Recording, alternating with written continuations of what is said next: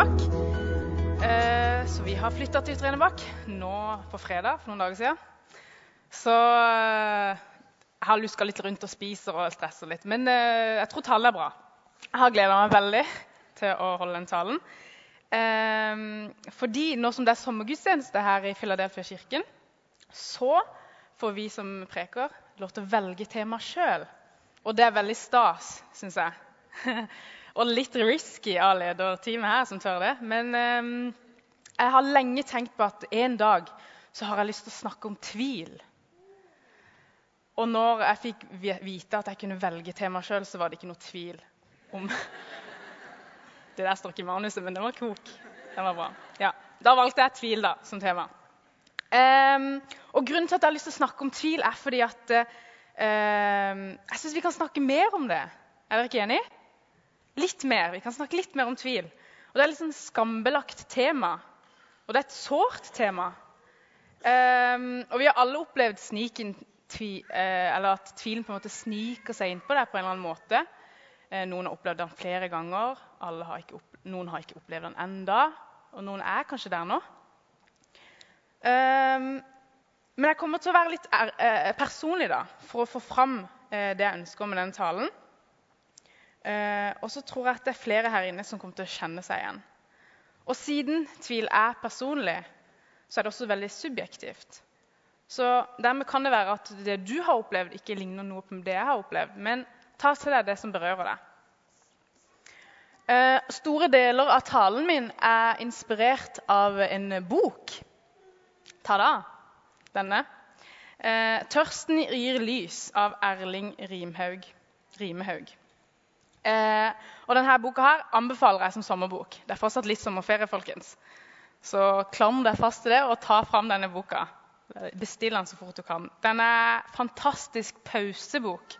En pustebok som lar deg puste og akseptere at eh, du er du, og du er der du er i troa. Og det er helt greit.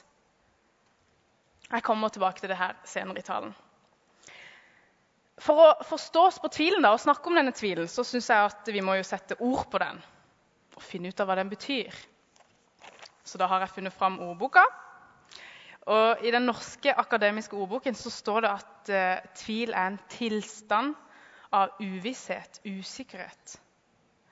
Altså for hvorvidt om noe er sant, riktig, godt osv. Og, og i det religiøse språket så kan det uh, uh, være at man ikke lenger tror på vedtatte religiøse læresettinger eller sannheter. Så det er altså en tilstand hvor man rett og slett er usikker på Gud. Enten om han eksisterer, om han er god, om han er allmektig osv. Men går det an å tvile på Jesus egentlig? Har ikke vi kristne det veldig bra? Har ikke vi det sånn, så fint og flott og greit, og alt er så veldig hyggelig? Ikke sant? Har måte, kristne har på en måte klart å speile det bildet av synes jeg da, at uh, vi har ting på stell, vi, vi kristne. Uh, det kristne livet blir jo også ofte som jeg har hørt det, forklart som en uh, stige eller maraton eller et fjell eller en trapp. Er det flere som har hørt det, eller er det bare meg? Spesielt maraton eller fjell som skal bestiges. Og når jeg tenker meg om, så syns jeg det høres forferdelig slitsomt ut, spør du meg. Um, er det riktig, liksom? Er det riktig å se på det kristne sånn her? Og det mo kristne modningen sånn her, det livet som vi lever, som en horisontal reise med en begynnelse og slutt, og gjerne en linje som har en sånn bratt, kontinuerlig stigning. Vi skal opp der, vi. Kanskje. Men hva gjør man da hvis det kristne livet føles som en endestasjon? I begynnelsen, når vi var unge, så var det jo bare fryd og gammen. Det var påskeleir, konfirmasjon, nyttårsleir, konferanser, ungdomsmøter, bla, bla, bla, leir og leir og koselig. Og så blir man plutselig eldre og litt sånn voksen. Og det er ikke så mange leirer lenger for voksne. Uh, vi kunne gjerne hatt mer av det. Og så ikke konferanser heller. Og det, det, er sikkert mange grunner til at ikke det er så masse greier man deltar på. Og man har kanskje et krevende studie, eller eh, hvor man ikke har tid til å være med på så mye frivillig som før. Eh, eller så har du inngått i et nytt forhold, og det krever litt. Eller så har du fått barn. Eller ungdommer. Jeg har hørt at det er verre. Eller så har du helseproblemer som gjør det vanskelig for deg å møte opp på diverse kirkelige tiltak. Hva nå, kan du stille deg sjøl. Hva nå, Gud? Er Gud plutselig blitt taus? Har han ikke tid? Eller finnes han kanskje ikke? Det kan man stille seg. Visste dere at eh, de eh, kristne, før de ble kalt kristne, kalte seg 'de som hører til veien'? Og For min del startet reisen på denne veien da jeg var ca. 16 år. Og det var en fantastisk periode i livet mitt. Jeg gikk på ungdomsskolen. Det var ikke ungdomsskolen som var fantastisk, altså. Det som var fantastisk, var at jeg skulle bli fotballspiller. Ja, jeg var litt guttejente. Eh, jeg hadde ikke tid til skole. Ikke tid til venner, iallfall. Og mine venner på den tida, ungdomsskolen, de er opptatt av gutter og festing. og sånne ting, og Det hadde ikke jeg tid til. For jeg måtte sove minst åtte timer, spise nok karbohydrater, eh, drikke masse vann, holde meg dehydrert osv.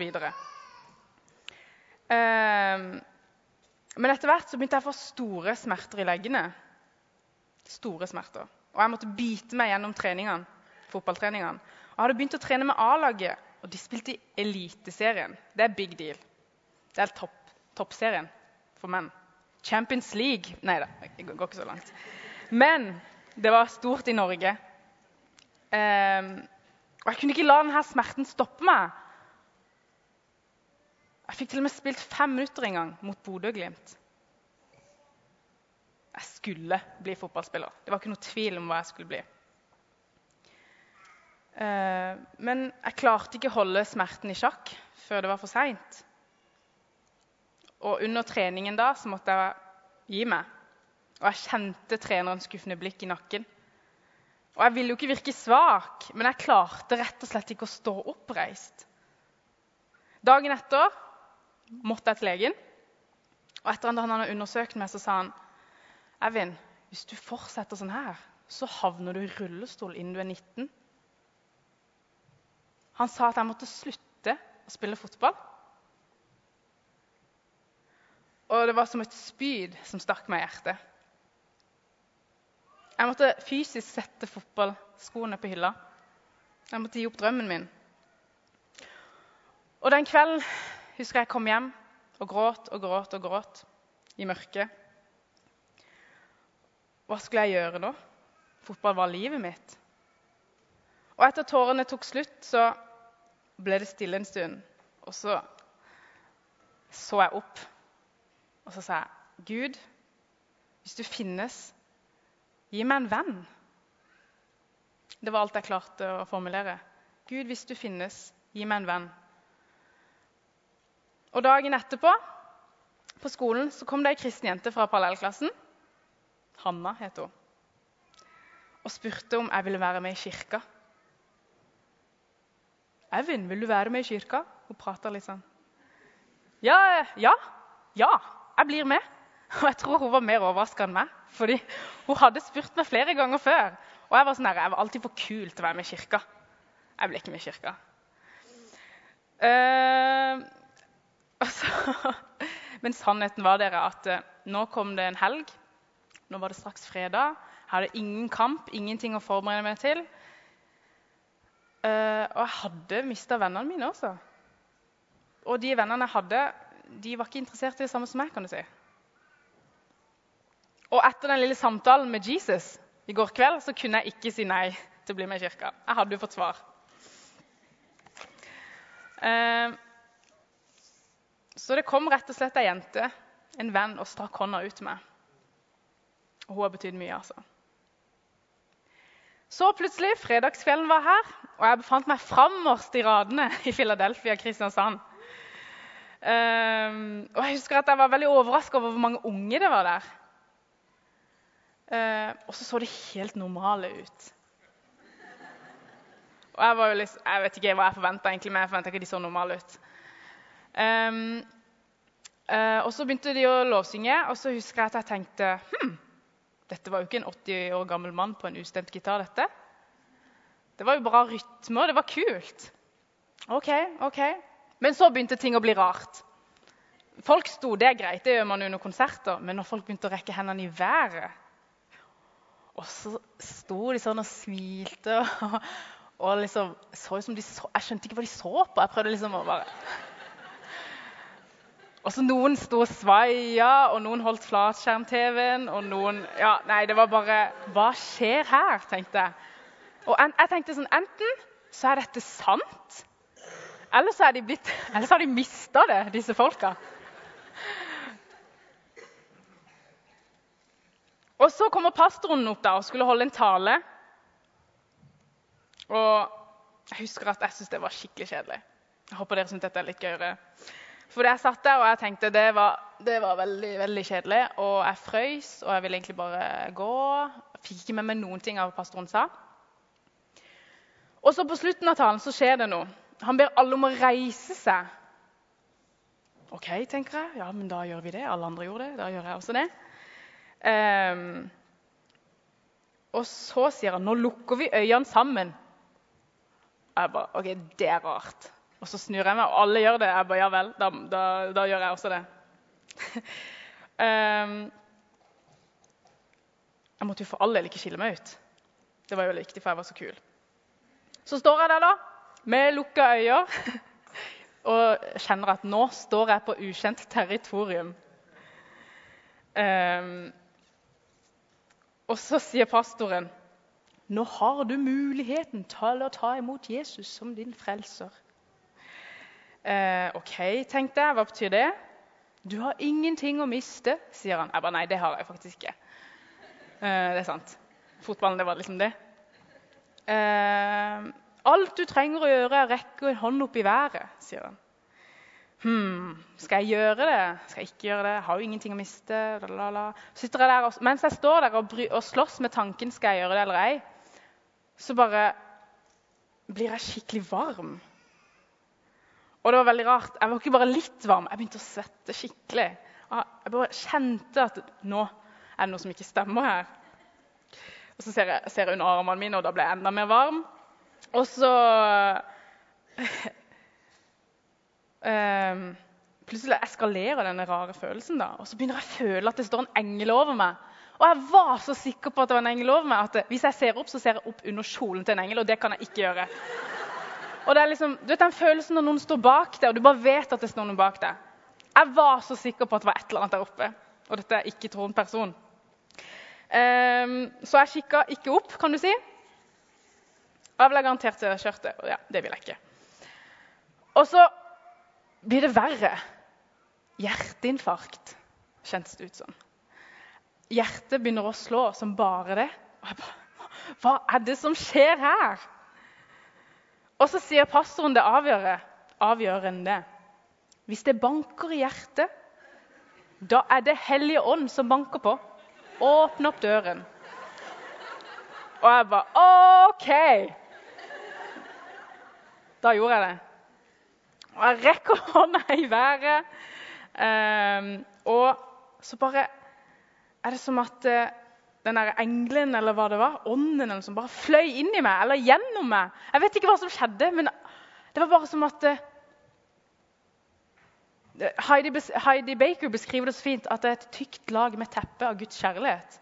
Og for min del så var det dyn, dyn altså Det var bare Gud var der. Gud var der. Dette var ekte, liksom. Det var en helt utrolig opplevelse. Jeg hadde aldri opplevd noe sånt. Jeg har aldri følt lignende. Jeg kunne ikke beskrive det. Og Så står jeg der og jeg bare helt sånn, akkurat gått gjennom krig liksom, i kroppen min og skjønner ingenting av livet plutselig. Og så sier Hanna ved siden av meg 'Går det bra med deg, Eivind?' Jeg bare ja, 'Ikke ta på meg! Ikke ta på meg!' For Hvis det bare rørt meg, så hadde jeg falt sammen i tårer, og jeg var kul. Så jeg skulle ikke grine. Nei, Så jeg satte meg ned og bare Hva skjedde nå? Og så går vi ut, da. etter denne gudstjenesten. Og det var bare som om at jeg hadde, jeg hadde gått med solbriller hele livet. 16 år, det er ikke så lenge. Men jeg hadde gått 16 år med solbriller, og nå var de av. Og skyene var hvitere, og grønne var gressere. Og jeg lover deg, jeg kunne lukte bedre. Det var et eller annet weird som hadde skjedd inne på det møterommet. Og Nei, det var bare helt crazy. Og etter at jeg møtte Gud, da, eller Jesus, da var jeg nyfrelst. Og nyfrelst kommer fra det begrepet Evin. på en måte da. Fordi jeg var helt sånn Wow, folkens! Se på den løvetannen! Se på himmelen! Vennene mine trodde jeg hadde mista det. Altså, det var jo bare Jeg var så nyforelska. Og jeg trengte Jesus hele tiden, og jeg oppsøkte han hele tida. Det var ingenting som kunne komme i veien mellom meg og Jesus. Eh, det beste var å kunne bare be og lovsynge og være i kirka så mye jeg ville. Og jeg var i mitt fars hus, og der kunne ingen hindre meg i å være. Eh, og Så ble jeg ungdomsleder i Frikirken og fikk nøklene. og Det var den beste tida i livet mitt. altså. Og mine ikke-troende venner de var jo litt bekymra. Jeg husker en gang vi hadde overnatting, og mine to beste venner Anita og Elise heter det, som de var hjemme hos meg. Så pusser jeg tennene og står og skravler med Jesus, da, som jeg pleide. så kommer de inn. 'Går det bra med deg, Eivind?' Jeg bare 'Ja, ja, ja'. Ja, 'Hvem er det du snakker med?' 'Ja, det er bare Jesus.' Som om det var det mest normale i verden. ja, OK. Skjønner at de spurte. Men jeg var ung, hadde en veldig fin barnetråd. Så kom videregående, og etter videregående dro jeg til, på bibelskole i Florida, ungdom i oppdrag. Og denne kurven, den horisontale kurven som jeg snakker om med stigning, den steig i været. Eh, jeg var ikke forelska lenger. Jeg var rusa på Den hellige ånd. Og det var magisk. Eh, og jeg fikk liksom oppleve at Gud var liksom fysisk til stede i verden. Folk tok imot Jesus. Jeg fikk lov til å være med og døpe folk. Folk ble helbreda rett foran meg. Og så, etter bibelskolen, så skulle jeg til Irak, for jeg opplevde at Gud kalte meg dit. At jeg skulle til Midtøsten. Eh, jeg skulle være der et helt år. Men etter tre måneder så var jeg tilbake i Norge. Fordi Gud, han var ikke i Irak. Han var ikke det for meg iallfall. Og kreftsyke barn ble ikke friske der. Det var ingen som tok imot Jesus mens jeg var der. Og landet var plutselig blitt ustabilt, og IS kom kort tid etter at jeg hadde dratt. Så En måned senere var jeg i Oslo, på bibelskolen her i Philadelphia. Og Det er sånn seks-syv år siden nå. Og et eller annet sted på den reisen i Midtøsten så var Gud blitt borte og jeg var knust. Og tvilen sneik seg innpå meg. Og jeg husker På bibelskolen så tvilte jeg til og med på om jeg var kristen nok til å være her. Husker under lovsangen at folk sto og dansa og hadde det så fint. Og jeg, jeg satt. For det første så hadde jeg vondt i føttene, for Gud hadde ikke helbreda meg ennå. Og jeg tvilte. Jeg var sint. Jeg var kjempeskuffa. Hvor er du, Gud? kunne jeg rope. Og denne forelskelsen, som alle andre forelskelser, dessverre, forsvant. Og jeg følte ikke lenger Guds nærvær i det hele tatt. Jeg opplevde ingenting lenger. Det var en tørkeperiode i mitt åndelige liv. Og Det virker som at det, det, det hjalp ikke engang å komme i kirka eller å lese Bibelen eller, eller uh, lovsynge. Det kristne livet føltes nå som en endestasjon for meg. Og tanken om at dette med Gud bare var oppspinn og tull, at jeg hadde bare funnet på alt og innbilt meg ting, det slo meg. Men jeg klarte ikke å legge bort helt vitnesbyrdene, egentlig. At Jesus kom og møtte meg den dagen da jeg var 16. Og at hun reiste seg fra rullestolen. Sånne ting det bare Jeg klarte ikke å forstå meg. Det gikk ikke opp.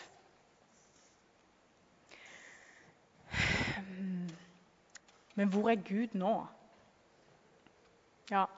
I boken til Erling eh, så viser han til den kristne mystikeren Johannes av Korset. Vinteren 1577-78, ett år altså, satt eh, karmelittmunken Johannes av Korset fanget i en mørk, stinkende kjelle i den spanske byen Toled. Hans egne ordensbrødre hadde satt ham i dette hullet for å stoppe vekkelsesbevegelsen som han hadde leda. Men istedenfor å knekke ham, så leder det til at han skrev en av de største klassikerne fra middelalderen, 'Sjelens mørke natt'. Men hva tror dere Johannes av Korset kjente på når han satt i den grotta? Den cella der. Han var forlatt. Han leda en bevegelse. Det må jo være Guds vei. Det er jo det Gud vil. Gå ut og forkynne. Men å døpe de Ja, men Gud, det var jo det jeg gjorde, og så er jeg her. Han må jo ha kjent på sorg, hat kanskje, svik av brødrene sine og tvil. Gud, hva skjedde? Dette var for ditt rike. Er du der? Fordi når, når, Gud blir borte, så føles det så håpløst. Det er som fortiden på en eller annen, borte, en eller annen måte er bare helt totalt bortkasta. Men jeg har lyst til å si deg det. Det er ikke bortkasta, fortida di. I boken skriver Rimehaug så fint. Han sier det er ikke nødvendigvis noe tegn på at du er på vei bort fra Gud om du mister de gode følelsene og alt blir tørt og uten tvil. Det kan tvert imot være Gud som er i ferd med å føre deg inn i noe nytt. Du har også kanskje, som folk flest, opplevd vonde ting i livet. Og jeg vil bare oppklare en ting her. altså, folkens. Gud har ikke sendt masse vondt til oss mennesker. Og han vil ikke at vi skal ha det fælt. Men han kan bruke det mørket til å føre deg videre, til å føre oss videre til et sted, et ukjent sted. Sånn som Johannes av Korset. da, Han skrev den fantastiske boka.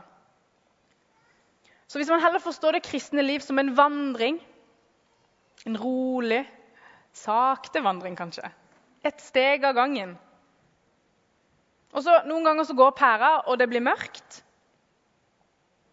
Men det er bare å fortsette. Et steg av gangen. Ta det i ditt tempo. Ditt tempo, ikke noe andres. Og jeg synes Det er nesten litt sånn som i Salme 23, 23,4, hvor det står Om jeg enn skulle vandre i dødsskyggens dal, frykter jeg ikke ondt, for du er med meg. Din kjepp og din stav, de trøster meg. Og hvis du tenker på det, så er det jo Gud er jo egentlig ikke borte bare fordi vi føler at han er borte. For det går jo imot karakteristikkene til Gud. Hans karakter, hvem han er. Han er omnipresence, ikke sant? Allestedstilværende. Og det er sannhet. Det er en sannhet at Gud er alle steder til alle tider. Så på tross av dine følelser, så er han der. Så når man befinner seg i denne dødsskyggens dal, så kan man vite at man er ikke forlatt. Fordi, folkens, for at skygge skal finne sted, så må det befinne seg et lys. Og dette lyset er Jesus.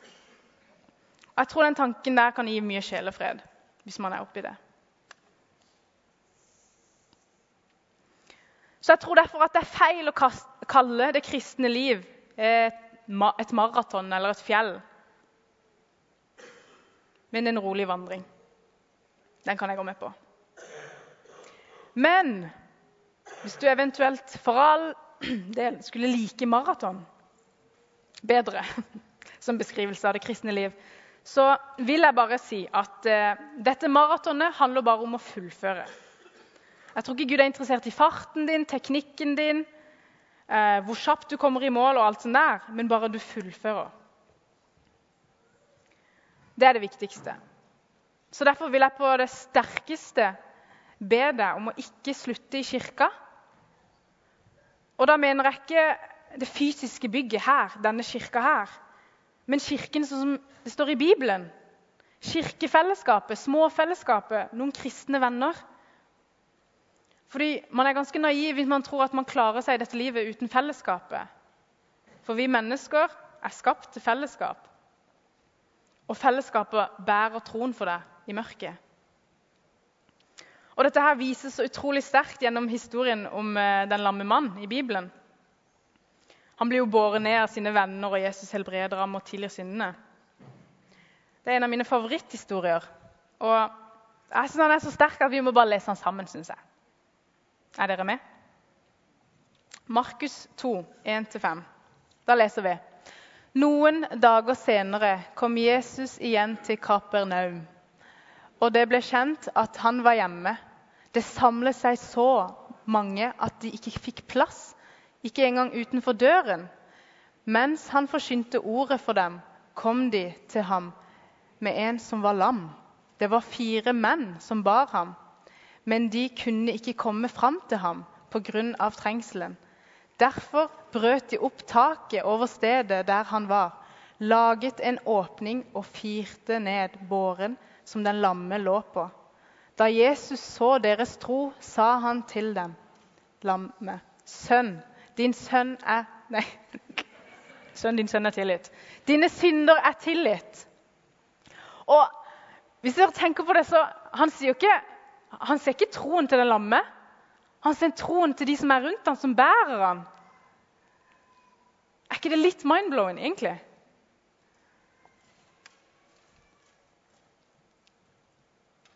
Ja, det er bare Nei, jeg måtte bare, nå, nå kom det nesten en tåre her. Men jeg har lyst til at det, at det er sånn vi kan være som kirke. At vi kan bære hverandre gjennom tunge perioder. at Gud ser Når du er langt nede i troa, så ser han vår andres tro. Og vi kan være der for deg. Så la oss bære hverandre ned gjennom taket. Det trenger du ikke her, du kan bare ta den sånn gjennom her. Men eh, tillat Kirken å bære, bære det. Det, det har jeg lyst til å få fram. Tillat Kirken å bære det. Tillat oss å bære det når du sliter, når du er i dødsskyggens dal. Si fra til dine nærmeste kristne venner. Eller kom til forbønn. Eller på bønnerommet. Ja, her kan du skrive ting. Det er masse tilbud, og vi vil være her for deg. Ja. Så nå kan vi gjøre det i praksis, men først skal vi høre en fin solosang. Takk for meg.